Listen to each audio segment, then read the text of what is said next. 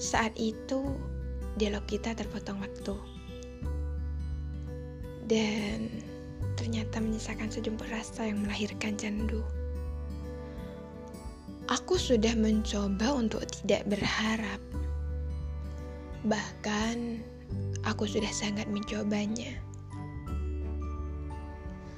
Namun, ternyata aku masih berharap.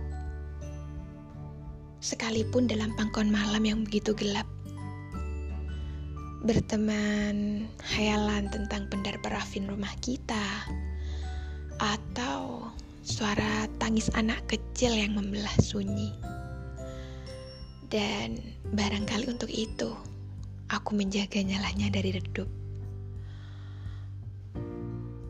Maafkan aku.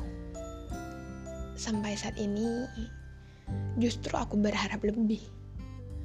Aku berharap semoga di masa depan harapan ini bukan sebatas harap,